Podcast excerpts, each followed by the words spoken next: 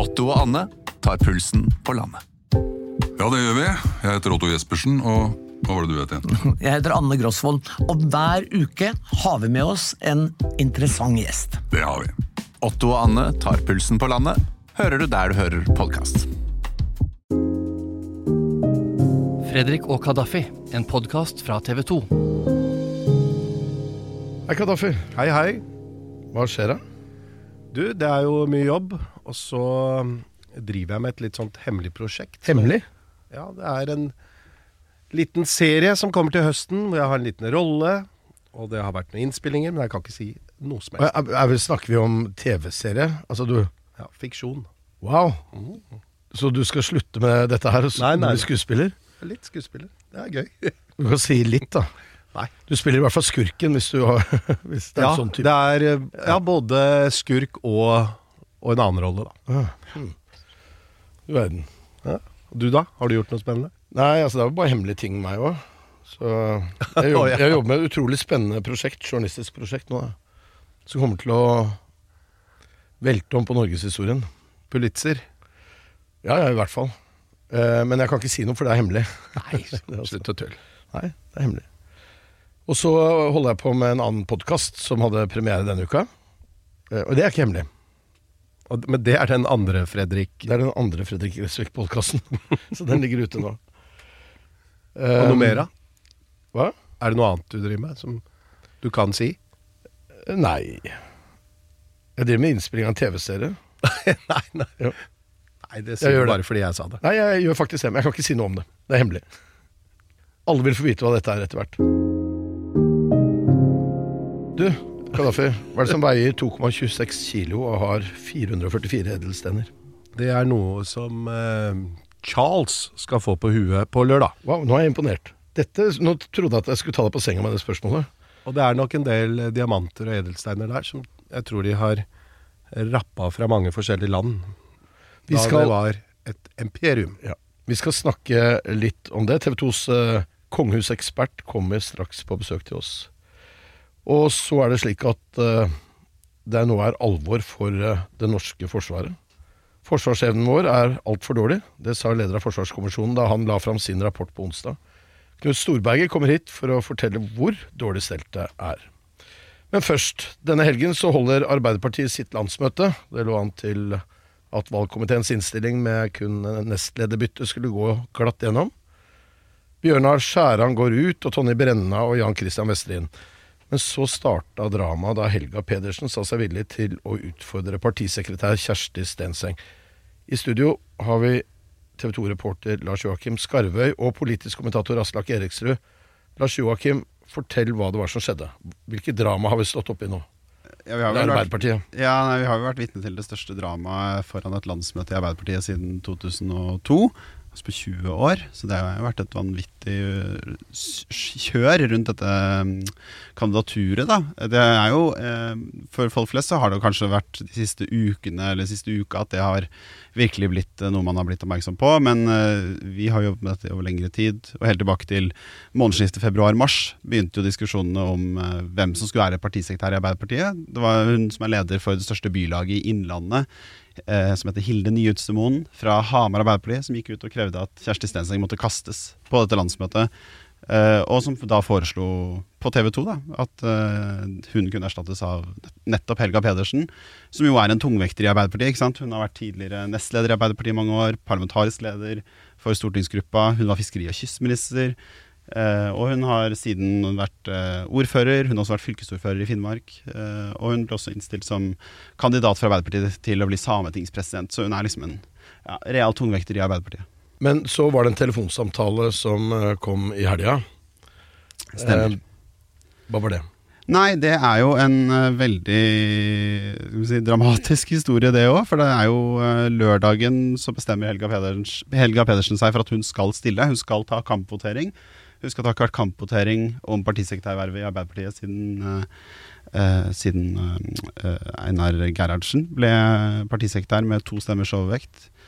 Um, så det er en veldig dramatisk beslutning, og den tok hun da på lørdag. Og så, by coincidence, får vi tro, uh, så ringer jo Jonas Gahr Støre henne på lørdag kveld 18.30 Uh, og den By sam- coincidence, hva mener ja, du? altså Jeg vet jo ikke hvorfor han ringer. ikke sant? Det er ingen som har klart å fortelle om hva årsaken, den utløsende årsaken til han ringer på det tidspunktet er. Han sier jo at han ringer for å få klarhet i dette spørsmålet. At han ville vite om hun skulle stille og sånn. Eh, Foreløpig litt uklart hva han skulle gjøre med den informasjonen. Men han ringte i hvert fall for å skaffe seg det, da, sier han. Eh, og det er en samtale som da ender med at hun dagen etterpå trekker kandidaturet sitt. Før hun i det hele tatt har lansert det.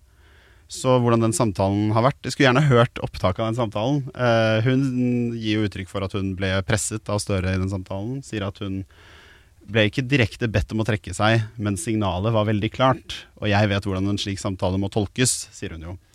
Politisk eh, kommentator i TV 2, Aslak Eriksrud. Hvorfor ringte Støre til eh, Helga Pedersen, og hvor dramatisk er dette? Jeg tror nok det er ganske åpenbart at eh, han tok den telefonen uh, for å få Helga Pedersen til å trekke seg. Han kommer aldri til å innrømme det uh, utad. Uh, men han var nok bekymra, i likhet med flere andre i partiet, eh, og, folk rundt han også, for at eh, Helga Pedersen sitt eh, kandidatur og et benkeforslag på hun kom til å ta all oppmerksomhet fra de politiske debattene, de politiske løsningene de skal diskutere på landsmøtet, inngangen til landsmøtet og gjennomføringa av landsmøtet, og at det eneste folk og vi i media kom til å være opptatt av, var eh, maktkampen mellom Kjersti Stenseng og Helga Pedersen. Så det var vel et forsøk fra Jonas Gahr Støre på å få stoppa denne konflikten og få ro i partiet. Eh, han lyktes med det første. Han lyktes med å få Helga Pedersen til å trekke seg som eh, kandidat. Men eh, han mislyktes fullstendig med å få ro og fokus på de politiske sakene. I stedet så fikk han en ny personkonflikt eh, i fanget med seg sjøl i hovedrollen. Men sånn der ute i folkedypet, altså hvor interessert er egentlig folk i generalsekretæren i Arbeiderpartiet? Er det ikke helt andre ting de går og tenker på i disse dager? Jo, det tror jeg nok. Jeg tror heller ikke at eh, et bytte av en general, partisekretær, da, som heter i Arbeiderpartiet, eh, ville på en måte ha ført til at velgerne eh, flomma til Arbeiderpartiet. Det er jo en, eh, men det er viktig, likevel en viktig jobb eh, for, for Arbeiderpartiet. Det er lederen av partiorganisasjonen, eh, som har da ansvaret for å få den maskina, mastodonten av et parti med nesten 50 000 medlemmer til å trampe i takt og få, å og få til å fungere. Da. Eh, og der er det mange i Arbeiderpartiet som syns Kjersti Stenseng etter åtte år eh, ikke har levert tilfredsstillende. Og det er folk og tillitsvalgte som jeg har snakka med over hele landet, som, eh, som mener at hun, det er på tide at hun kanskje burde ha sluppet til noen andre. Eh, men eh, sånn gikk det jo ikke, tydeligvis. Men er det utidig av en partileder å ringe Helga Pedersen? Er ikke dette helt normalt? Altså Han leder jo Arbeiderpartiet og må jo ringe sine egne og Ja, legger man ikke press? Er det ikke maktkamp i alle partier? Og, og hva mener du? Hvorfor skal du stille? Altså Det er jo en stilling som kommer til å jobbe tett opp mot Jonas Gahr Støre. Ja, det er helt åpenbart, og det er flere i Arbeiderpartiet som også mener at det var riktig av Jonas Gahr Støre å ta en telefon, at han sånn sett viser en slags form for lederskap, handlekraft. Kan ikke sitte stille og se på, på dette. Det er jo folk som mener at, eh, at eh, Helga Pedersen uansett ville vært sjanseløs eh, i landsmøtesalen mot en enstemmig innstilling. Det er jo et kompromiss, dette, ikke sant, hvor ulike fylkeslag har gitt og tatt for å få denne kabalen til å bli enstemmig. For det er helt riktig som Lars Joakim sier, at det, det var jo uh, sterk uenighet i, i valgkomiteen rundt eh, isolert sett da, rundt eh, valget av eh, partisekretær, men så legger man en kabal eh, som, eh, som binder opp kan du si, fylkeslag som i utgangspunktet ønsker å fjerne Stenseng, eh, til, til, til Masta. sånn at det, det, det kan godt tenkes at Helga Pedersen var, ville vært sjanseløs. og Sånn sett så mener folk da at Jonas Gahr Støre gjorde det helt riktige ved å påpeke dette overfor Helga Pedersen. Problemet til Støre er jo at denne samtalen ble offentlig kjent. Og jeg tror han undervurderte Helga Pedersen sin lojalitet, at det er han som partileder og, og sånne ting. fordi eh, det at det blir en åpen krangel mellom de to etterpå om innholdet i den samtalen, er jo direkte ødeleggende. Så jeg tror nok Jonas Gahr Støre ønsker at han ikke har tatt den telefonsamtalen nå. Er dette nok en spiker i en eller annen form for kiste som skal da være bildet på valget til høsten? Nei, det- snakke om valget om eh, to år. Ja, det, det vet jeg ikke. Det, det er klart det, Denne type ting eh, får masse oppmerksomhet. Eh, Velgerne reagerer neg negativt, gjerne på målinger når denne type konflikter kommer til overflata, men samtidig så har man en tendens til å glemme det også ganske fort når eh, ting eh, på et eller annet tidspunkt roer seg. Så om det er en ekstra spiker i kista, vet jeg ikke, men det er i hvert fall en uheldig eh, sak for Arbeiderpartiet, og de mister kan si, en sånn positiv inngang på et, på et landsmøte som de absolutt har trengt. Gaddafi på, på lørdag kommer du til å sitte benka foran TV-en og følge med på hver lille millimeter av eh, det som skjer i England, ikke sant? Ja, men vet du, eh, jeg kommer til å se litt. Jeg syns at det har vært spennende.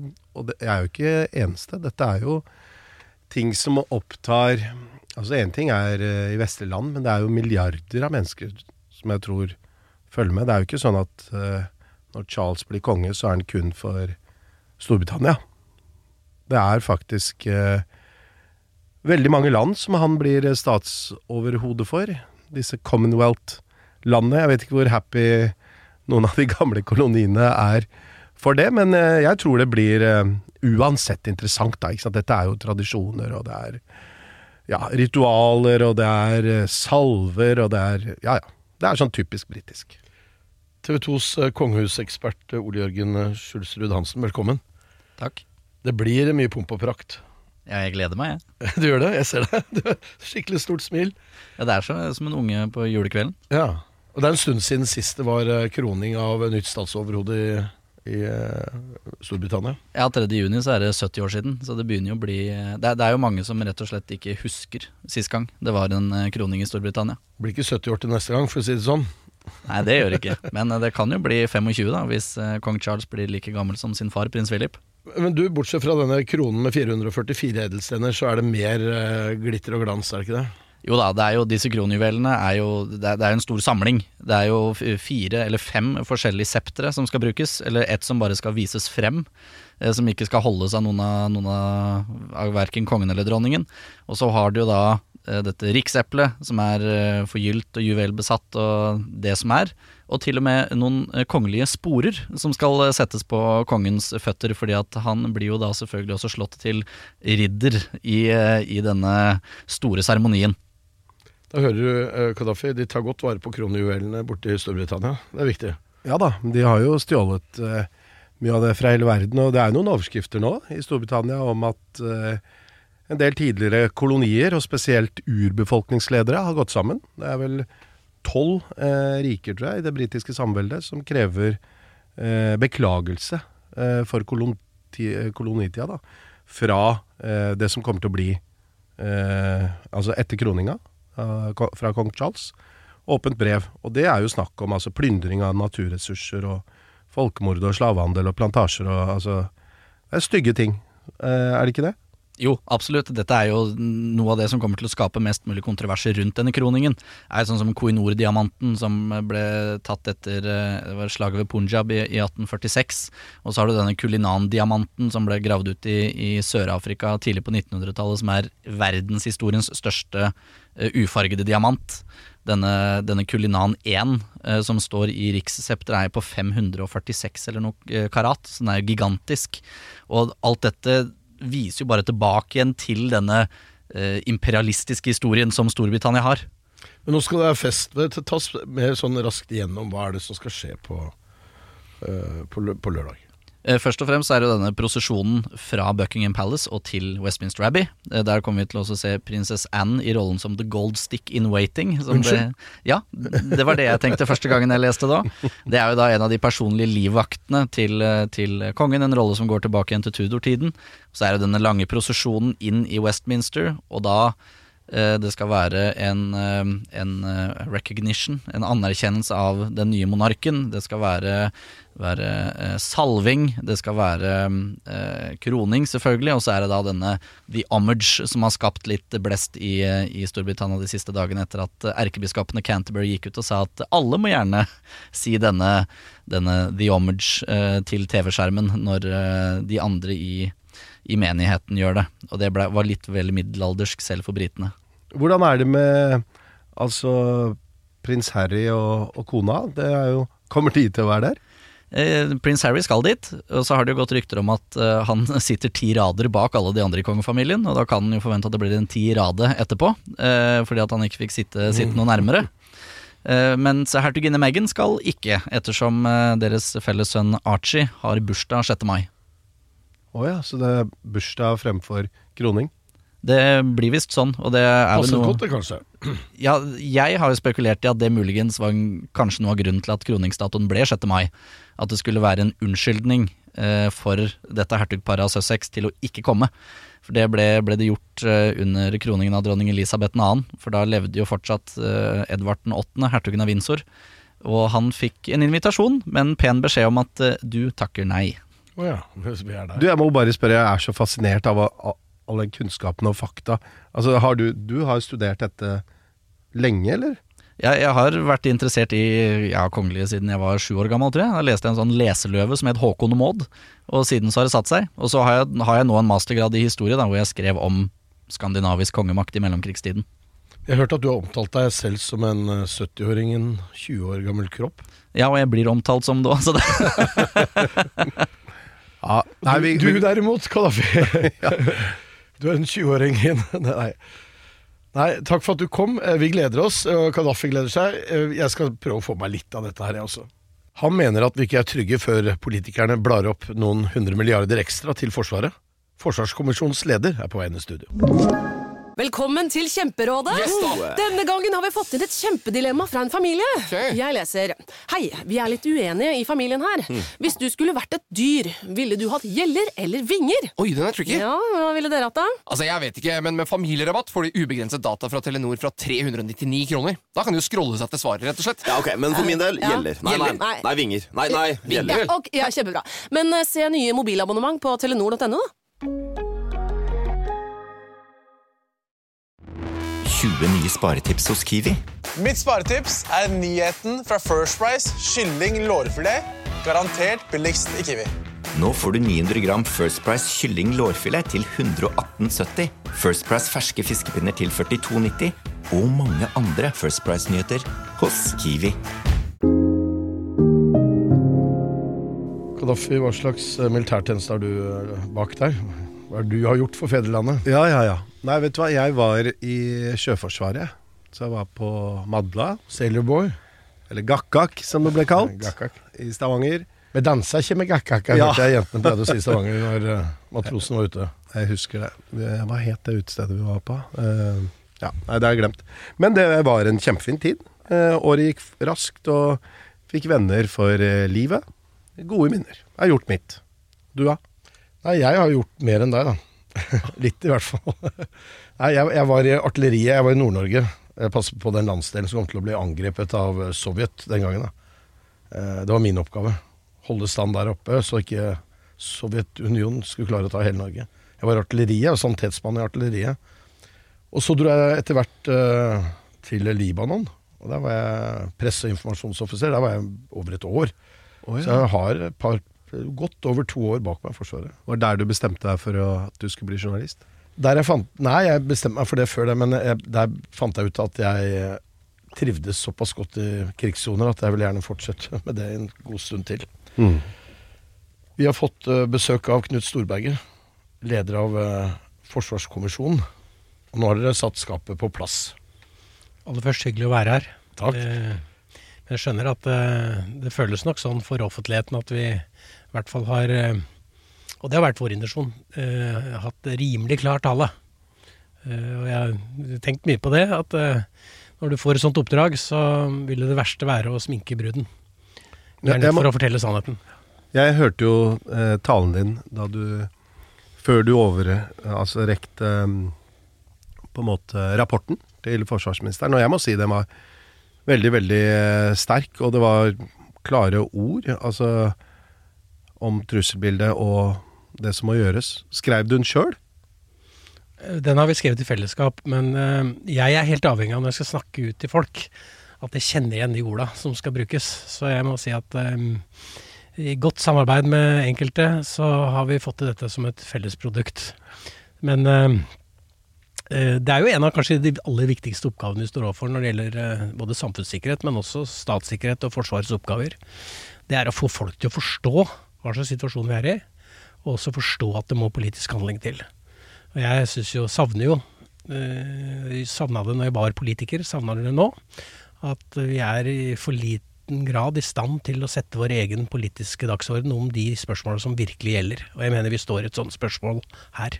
Så dere politikere har gjennom de siste tiårene kanskje gjort for dårlig jobb, da? Ja, vi sier, jo, vel, vi sier jo veldig tydelig da, i denne rapporten at eh, det er mange gode grunner sikkerhetspolitisk til å bygge ned et forsvar fra 90-tallet og fram til i dag, når man ser det eh, opp mot andre hensyn osv. Uh, men eh, det er ikke til å stikke under en stol at eh, dette forsvaret har blitt for svakt. Vi har gått for langt. Vi har eh, huller i kapasiteten, og den operative evnen er for dårlig. Eh, og det, må, det ansvaret det er ganske bredt. En av de tingene du, du sa, eh, var jo at eh, Eller dere har kommet fram til at det må inn flere vernepliktige. Det må det. Vi trenger jo absolutt mer personell.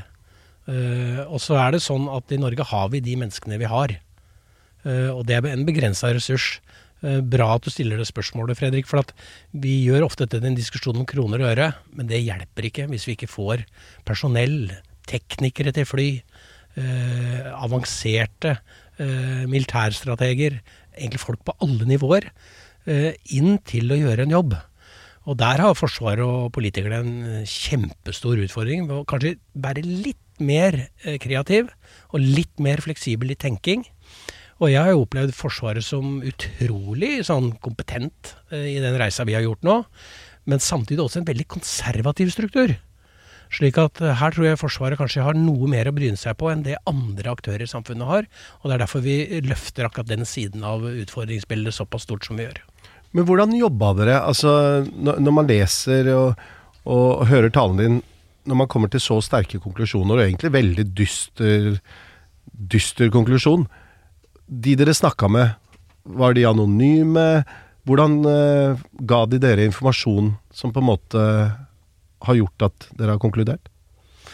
Ja, og dette er også et fantastisk eh, spennende spørsmål. For jeg var veldig spent på når vi starta arbeidet. Vil vi liksom få ærlige og åpne svar?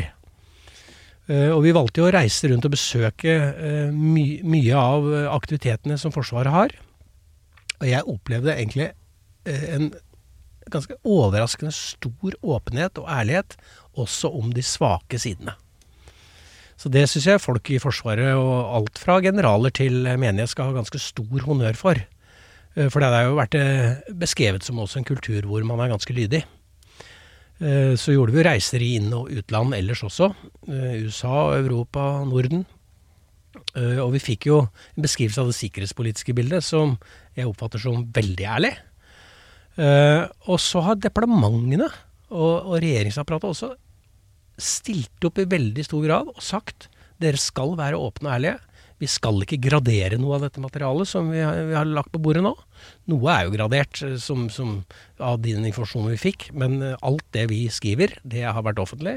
Rapportene som er innhenta fra forskere, og vi har et betydelig akademisk innslag i kommisjonen, eh, de er offentlige. Det ligger jo på våre nettsider. Og vi har nå endog også strukket oss så langt at vi har gitt ut en podkast hvor hele rapporten er eh, lest opp. Eh, Kan bl.a. hentes på Spotify. Jeg syns jo det er litt sprekt også. Eh, Slik at jeg opplever veldig sånn en sånn ærlighet knytta til dette, og som jeg tror kanskje var et godt grunnlag for å skape endring.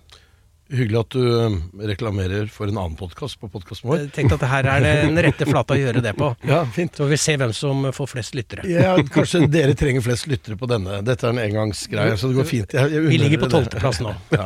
Ja. Fint. Oi, er det sant? Det er sant. Oi. Eh, Det er jeg litt stolt av, men det er jo selvfølgelig nyhetens blaff.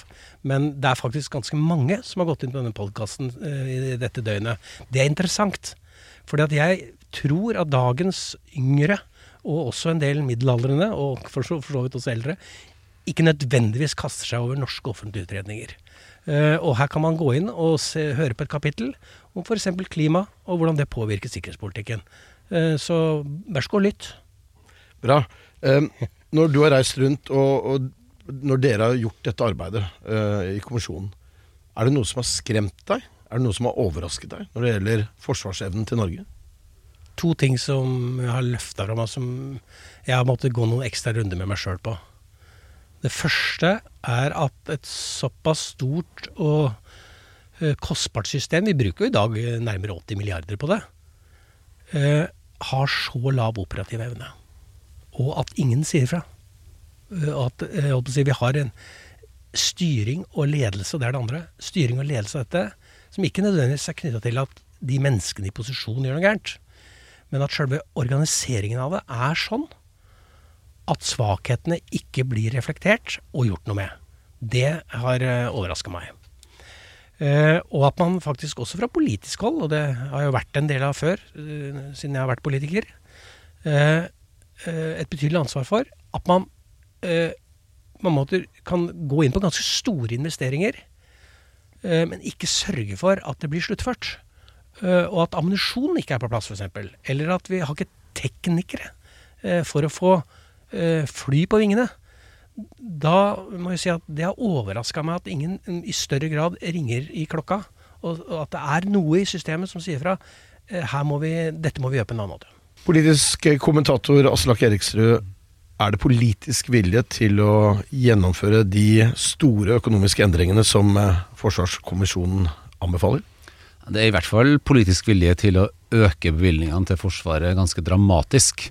Eh, og det Forsvarskommisjonen har lagt fram, er jo et ganske dystert eh, bilde eh, på situasjonen i verden i dag. De utfordringene vi står overfor. Og ikke minst en kraftfull påpekning om at det norske forsvaret og forsvarsevnen er ikke dimensjonert for det trusselbildet vi ser akkurat nå. Det er ganske alvorlig. Betyr det at politikerne, inkludert Storberget selv, faktisk har vært for dårlige til å bevilge nok midler i løpet av de siste tiåra? Det er veldig lett å være etterpåklok eh, når eh, det gjelder akkurat denne type ting. Det har skjedd en ganske dramatisk eskalering av eh, den, den sikkerhetspolitiske utfordringa i Europa de, de, siste par årene. Så, men sett i ettertid så skulle vi sikkert hatt mer penger til forsvar akkurat nå, men samtidig så framstår det ikke som si, så dramatisk at panikken brer seg. Det er ikke sånn at russerne står på grensa oppe i Finnmark og er klare til å invadere Norge. Så, men det er nok på høy tid at politikerne nå tar grep eh, om den eh, sikkerhetspolitiske situasjonen. Og det forstår jeg også eh, sånn at Stortinget og regjeringen er villige til å gjøre. Da. Mm, men hvordan har det vært tidligere? Altså, her er det jo snakk om enorme summer. 30 milliarder først, og så 10 milliarder Nei, 40 milliarder i ti år. Når det er snakk om så store summer, eh, sånn historisk, eh, klarer politikerne å bli enige? de pengebeløpene er så gigantiske at det er på en måte vanskelig å sette seg inn i hva det faktisk betyr, eh, og hva det vil bety for norsk økonomi og sånne ting. Jeg har heller ikke fått gått inn og lest den rapporten, det må jeg jo si. Bare å legge inn alle de eh, forbeholdene der. Så, så, det er, men det er veldig store pengebeløp. Regjeringa la jo fram en plan for bare en dag eller to siden, eh, for å nå dette 2 %-målet som jo alle Nato-land har forplikta seg til. Og det er klart at eh, det får nok, og til denne kommisjonsrapporten, får nok også fart på si, politikernes vilje til å i hvert fall nå de målene som man har satt seg i eh, Nato-fellesskapet. Tror du at, Storberget, at det vil bli politisk enighet om å følge kommisjonens råd? Jeg tror langt på vei, ja for å være helt ærlig. Og jeg blitt spurt mange ganger er det realistisk. Og jeg tenkte, det er store beløp. Men vi har tatt det egentlig et ganske moderat utgangspunkt. Eh, vi har ikke eh, som målsetting at vi skal nå opp en prosentsats. Vi har spurt oss hva slags sikkerhetspolitiske utfordringer står vi overfor? Hva har vi behov for av Forsvaret? Og, og hva vil det koste? Så vil vi da bikke 2% Men 2 er eh, for Forsvarskommisjonen egentlig ganske unyttig mål. Det er det ene. Det andre er det realisme i dette? Ja, jeg tror det. Uh, og desto mer jeg tenker på det spørsmålet, desto mer ikke-realisme og urealisme ser jeg i å ikke gjøre det. For det vi snakker om er jo skal vi, skal vi ha fartøy ute i sjøen for å forsvare vår lange kyst? Den maritime strategien koster jo veldig mye penger. Det er en bærebjelke i kommisjonens rapport.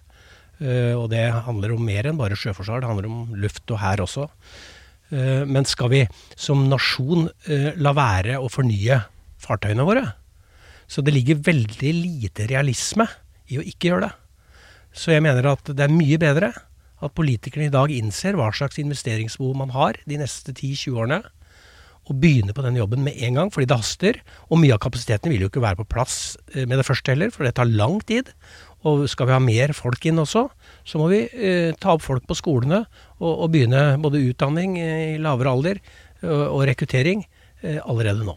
Men hva er det som haster aller mest, altså akkurat nå? Det som jeg vil understreke der, er først og fremst eh, personellsiden. Altså Vi er nødt for å, å engasjere flere folk eh, allerede i høst, etter min mening. Det har jo svenskene gjort. Og regjeringen også har tatt tak for å, å, å gjøre det. Det har jeg sett. Ansette flere? Ansette flere er man også nødt for, men man må også starte et arbeid for å eh, i mye større grad være fleksibel i forhold til hvem, hvem og hvordan vi kan få tak i folk. Og Det er det ene. Det andre er at vi peker eh, veldig, eh, Et veldig akutt behov er jo at vi har allerede ganske store kapasiteter i dag. Vi har altså gjort store investeringer f.eks.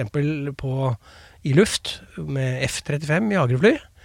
Eh, og mye av eh, de første bevilgningene mener jo Forsvarskommisjonen bør gå til å få disse til å fungere. Eh, og det er jo si en åpenbar utfordring at man i hvert fall får det man har til å virke. Nå øh, har jo Russlands øh, aggressivitet overfor et annet naboland bidratt til at øh, ikke bare politikerne, men de aller fleste i Norge forstår alvoret, forstår at vi kanskje er avhengig av et eh, godt forsvar. På den annen side så har jo russerne vist seg ganske dårlig på slagmarken. De har gått på store tap. Det er vel ikke noen grunn til å tro at de i nåværende situasjon skulle, eller slik det er stelt nå, ville prøve å ta på seg Nato. Og, og øh, om, øh, Dette spørsmålet har jeg fått flere ganger om Russlands kapasitet, egentlig. Eh, og man kan være fristet til å si at nå har de slet seg såpass ut at nå kan vi også slakke på litt. Jeg mener det motsatte. Husk hva slags kapasitet russerne har i nord. Eh, både i luft og til sjøs. Det er fullt intakt. Eh, ikke-konvensjonelle våpen ligger veldig nært Norge. Kjernevåpen. Det er dessuten slik at jeg tror de raskere kan få etablert det mer konvensjonelle forsvaret på beina enn det vi liker å tro. Og det siste, og kanskje det viktigste, en uh, skada bjørn uh, er det knytta større risiko til uh, i naturen enn en frisk en. og det tror jeg i høyeste monn gjelder også Russland. Det er jo ord som bare Vi må forberede oss på krig, virker det som. Men uh, jeg tror uh, at det er viktig å si at en mer sånn konvensjonell innovasjonskrig er ikke det Forsvarskommisjonen først og fremst sier at det er størst risiko for. og jeg må si det til de barna og ungdommene vi særlig har møtt. At det er grunn til å berolige i forhold til det. Det er ikke noen overhengende fare for en sånn tradisjonell, konvensjonell krig i Norge. Men vi vet jo at trusselbildet er av en sånn art nå, og det vil forsterke seg i årene som kommer, at det er mer sammensatt. Og vi finner virkemidler fra fremmede stater, også fra Russland, men også fra Kina f.eks., som er av en slik art at vi finner oss i nivået under krig. Men som kan skape store utfordringer for Norge. Og det er det større risiko for. Da snakker vi digitalt angrep, angrep mot sårbar kritisk infrastruktur. Vi har jo allerede sett hendelser ute i sjøen på gassledninger osv. Og som gjør sitt til at vi er nødt for å tenke og bruke ressursene også i Forsvaret i en bredere kontekst enn bare krig. Uh, og det er derfor det haster. Uh, og mye av de kapasitetene er jo heller ikke rimelig når det gjelder å både forebygge og slå tilbake den slags type angrep.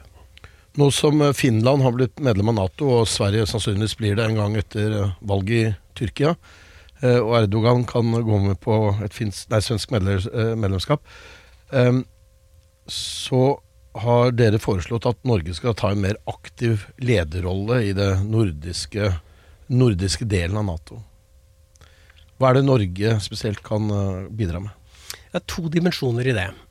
For det første så mener jo jeg at som gammelt Nato-medlem så har Norge et fortrinn. Slik at vi, vi tar jo allerede en lederrolle. Jeg tror både svenskene og finner, det vi har fått rapportert i kommisjonen, er at man opplever Norges bistand for Sverige og Finland i deres medlemskapsarbeid er ekstremt viktig. Så der har vi allerede en lederrolle. På mange områder. Men vi kan eh, i aller høyeste grad ta en lederrolle og se på kan vi utnytte kapasitetene våre sammen. Eh, Kan vi tenke felles utdanningsopplegg? Kan vi tenke å utnytte ressursene i et totalforsvarsperspektiv i en mye større grad i en nordisk kontekst? Og, og faktisk også tjene ressurser på det. Altså eh, få mer ut av ressursene, få mer ut av kronene. Det er den ene dimensjonen. Men andre som vi ofte glemmer litt, og som jeg understreker hver gang jeg eh, forteller om dette, det er at eh, vår allierte forpliktelse vil jo eh, på mange måter vokse ved et svensk og finsk medlemskap. Eh, Natos, yt, eller, Natos yttergrense mot Russland eh, vil jo bli mye større. Den finsk-russiske grense vil bli eh, trukket inn i de allierte samarbeid i mye større grad enn det det var før. Og, er, og den grensa er i vårt nærområde. Og Det er derfor eh, Forsvarskommisjonen mener at vi vil kunne bli aktuell eh, i en krigs- og spenningssituasjon knytta til denne grensen, hvor, som vil kreve at vi er parate til f.eks. alliert mottak som ikke skal stoppe i Norge, men som skal passere Norge, gå gjennom Norge, og som trenger militær kapasitet. Og Det er derfor vi mener at Hæren og Heimevernet også må forsterkes, for det er viktige kapasiteter for å ta imot alliert hjelp. Og vi vil også kunne komme i en situasjon Artikkel 5 i Nato er ikke en 'kom og hjelp Norge'-paragraf. Det er også en bestemmelse og en, en forpliktelse vi har for å måtte hjelpe andre. Eh, Og Sånn sett så kan jo norsk bistand inn, og også Norge som oppmarsjområde, bli langt mer relevant enn det vi liker å tenke på. Og så var det en eh, anbefaling om å opprette et nasjonalt sikkerhetsråd. Men hva er det som gjør at det er noe dere anbefaler? Eh, Jeg er jo redd for at en krisesituasjon, enten en samfunnssikkerhetsmessig krise, og jeg har jo opplevd det sjøl, eller en eh, mer krigslignende situasjon, vil innebære at sektoren i Norge kollapser. Eh, Og at vi eh, kaver i en gråsone, hvor vi ikke klarer å finne ut hvem er det som egentlig skal trykke på knappen. Når det trusselbildet blir så sammensatt, og vi ikke helt vet om det er staten som rammes, eller om det er en vanlig samfunnssikkerhetskrise, så kan vi få en situasjon hvor eh, vi er usikre på om det er Forsvaret eller om det er politiet som skal gripe inn, f.eks. Derfor så mener vi at en nasjonal sikkerhetsstrategi, som er egentlig overordna forsvars- og justisdepartementene, og helst styrt fra statsministerens kontor, bør være eh, noe man eh, bør skape også i Norge. Og det er jo det man gjør i andre land. I Sverige så har man jo varsla at det skal man ha. For å nettopp se disse bildene sammen. Det militære og det sivile skillet kommer i framtidens eh, sikkerhetspolitiske bilde til kanskje å bli mer utviska og utydelig. Og det er ikke sikkert at det er sånn at vi skal være he... Altså vi skal i hvert fall legge opp, eh, bør legge opp en utvikling hvor vi kan dra nytte av både militære og sivile ressurser inn i alle typer kriser. Eh, Og Derfor så trenger vi en overordna strategisk tenking på dette feltet for å forhindre at ingen trykker på knappen når det virkelig gjelder. Hadde en slik enhet eh, kunne vært eh, bra å ha under 22. juli? Ja, jeg mener jo at en del av erfaringene etter sånne typer kriser som 22.07 var, eh, er nettopp at eh, si, de gule lappene forsvinner. eh, Og at eh, det tar for lang tid å be om bistand fra aktører eh, hvor eh, man kunne fått bistand. Og mange vil si at ja, men du skal være forsiktig med eh, det militære skal ikke brukes mot egen befolkning. Det er jeg helt enig i. Men samtidig er det sånn at hvis du virkelig står i en alvorlig situasjon, og du er på en øy hvor mennesker drepes, eh, så tror jeg de fleste ville si at det er likegyldig for meg om det er et militært eller et annet type helikopter som kommer og redder meg. Knut Storberget, takk for at du kom til oss. Fint å være her. Takk også til Lars Joakim Skarvøy, Aslak Eriksrud og Ole Jørgen Skjulsrud Hansen, som satt her i studio sammen med Kadafi Saman og Fredrik Resvik. Teknisk ansvarlig Mikael Skorbakk.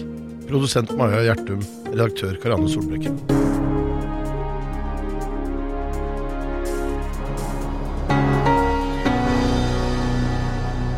Denne podkasten er produsert av Bauer Media for TV 2.